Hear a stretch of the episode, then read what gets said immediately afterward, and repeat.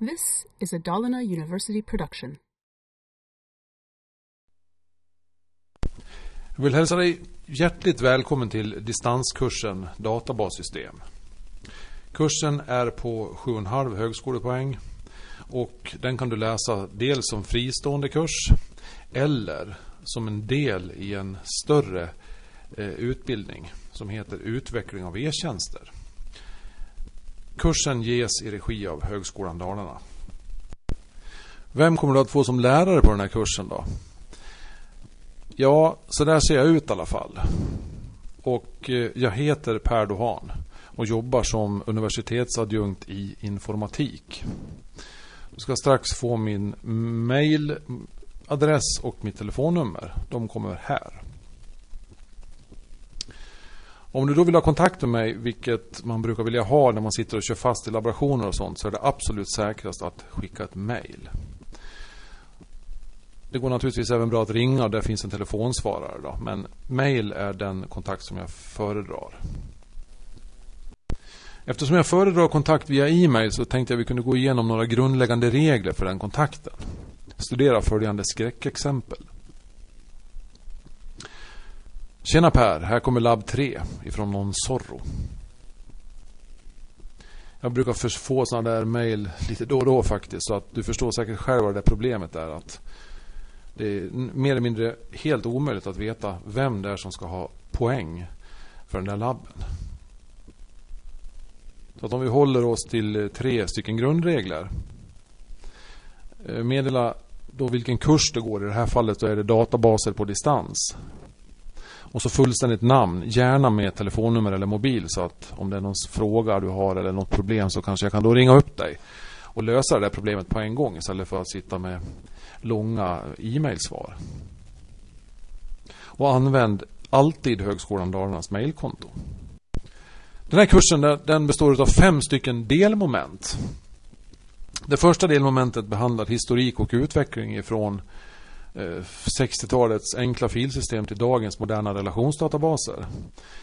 Vi tar upp databasobjekt som eh, till exempel tabeller, vyer och lite andra grejer. Integritetsregler och operatorer. Data Definition Language och Data Manipulation Language. Constraints och transaktionshantering. Delmoment 2 behandlar SQL-utsökningar mot enstaka tabeller nästlade sökningar, hantering av nullvärden, aggregatfunktioner, datamodellering och normalisering. Delmoment 3 behandlar SQL-utsökningar mot flera logiskt sammankopplade tabeller med nästlade sökningar och joinsatser eh, och enkla och komplexa vyer. Delmoment 4 kommer vi in på procedurell programmering. Det handlar då om variabler, kontrollstrukturer, loopar, cursor och felhantering i det procedurella databasspråket Oracle PLSQL. Och det sista delmomentet då får vi lära oss att skapa lagrade procedurer, lagrade funktioner och triggrar i Oracle PLSQL. Varje sånt här delmoment är då på en och en halv högskolepoäng. När jag gick och pluggade för ungefär en 15 år sedan så brukade jag alltid ställa mig frågan Vad ska jag göra för någonting för att få mina poäng? I det här fallet så ska du utföra laborationer. Laborationer på den här kursen det är praktiska övningar som är kopplade till de här teoretiska föreläsningarna så att man får göra lite roligt praktiskt arbete och testa sina kunskaper. Och då har, vi, då har jag gjort ordningsstrukturen så att det är en labb per delmoment. Och sen har vi då en sammanfattande slutlabb som innehåller i princip delar ifrån hela kursen då, där man får göra ett litet större projekt. Och det här syr då ihop hela kursen. Jag tror i det här fallet får man göra något banksystem åt Gagnefs Sparbank. En rätt rolig uppgift, brukar studenterna tycka. Och då har vi då totalt sex stycken laborationer som måste utföras. Och sen har vi då tentor. Bara ordet ger mig ångest. Jag vet inte hur ni har det med tentaångest.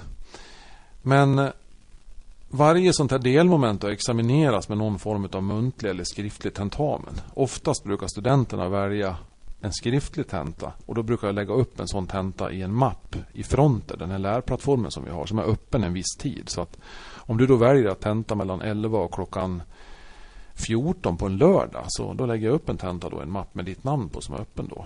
Och den tentan då, den kan då innehålla ett delmoment eller den kan innehålla tre delmoment. De flesta studenter väljer faktiskt att, att, att göra klart alla laborationer och titta på föreläsningarna. Så tenterar man av hela kursen. Då har man tenta ångest en gång istället för fem gånger. Så att det är helt upp till er hur ni vill tenta.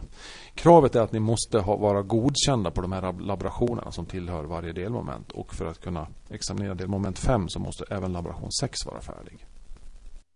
Betyg, hur kommer det att värderas på den här kursen då? Ja, på laborationerna då kan man bara få U eller G. Och ett G är då det som krävs för att man ska få examinera delmomentet som laborationen tillhör. Och en sak till som, är, som, jag, som, är, som jag vill verkligen poängtera här att när du har gjort en labb klar så vore det jätteschysst om du kunde skicka mig ett mail och tala om att du har lämnat in den där i fronten. För att om du gör det så kommer det att se till att du får bra feedback. Eftersom annars, eh, eftersom jag är en människa så kan jag glömma bort att titta i det där fronten. Och så att om jag då får en ett mejl av dig att du har lämnat in labb 2 till exempel så blir det som en trigger att jag går in och rättar din labb på en gång. Och då får du en snabb eh, handledning där. Eller snabb administration av dina resultat. De här olika teoretiska tentorna på delmomenten de kan du då få U eller G eller VG på. Och hela kursen då, vad får jag för betyg på hela kursen? Eller, eh, ja, för att få VG på hela kursen då, så krävs betyget VG på minst tre av de här fem delmomenten. En fråga jag skulle ha ställt mig då, vad behöver jag för massa konstiga programvaror för att kunna delta i den här kursen? Vi kommer att köra mot Oracles databas och där har vi då en installation här. Och jag tror att nu har den väl uppe i version 11G som de precis har installerat här. Det vill säga den senaste versionen. Och jag rekommenderar dig då att du tar hem Oracle SQL Developer. Och det finns då information på eh, hemsidan där om hur du får hem den där. Och det är en jättebra eh, programvara eftersom den då är plattformsoberoende skriven i Java. Det behöver, man behöver inte installera en massa saker som kan haverera ens operativsystem hemma. Utan man laddar bara ner en zip-fil som man packar upp och så kör man en exe-fil. Och så använder den Java eh, JDBC för att koppla upp sig mot databasen. Så att det brukar vara väldigt, väldigt smärtfritt och, och inte medföra några problem att använda den programvaran. Och då får du då ett konto i databasen på högskolan här utav mig. Så att det är bara att säga till när du vill börja göra labbar så skickar du mig ett mail och så skapar jag ett användarkonto. Så då kan du komma åt den här databasen dygnet runt när du vill då och göra dina laborationer. Eller så kan du även då installera en egen databas på din dator och köra lokalt mot den datorn. Men jag vill poängtera att jag absolut inte ger någon support vid installation och annat krångel kommer, som det definitivt brukar bli då att man får långa uppstarttider av sin egen dator och sånt där. Men om det är någon som kanske har en Oracle-databas lokalt installerat hemma så kan du naturligtvis köra mot den också. Men jag rekommenderar att, att använda SQL Developer för problemfria laborationer. Det finns en del viktiga dokument kopplade till den här kursen de kommer du att hitta eh, under någon länk tillbehör på kurswebben. Och när jag pratar kurswebb då, då pratar vi då vår lärplattform som heter Fronter och den ligger då på fronter.eu.se.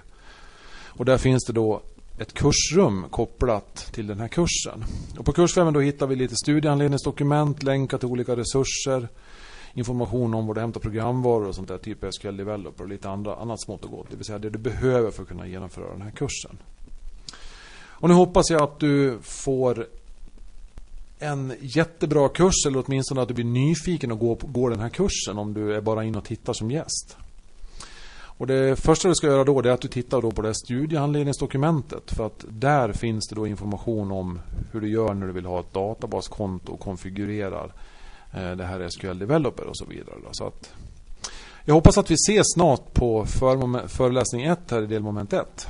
Tack så länge!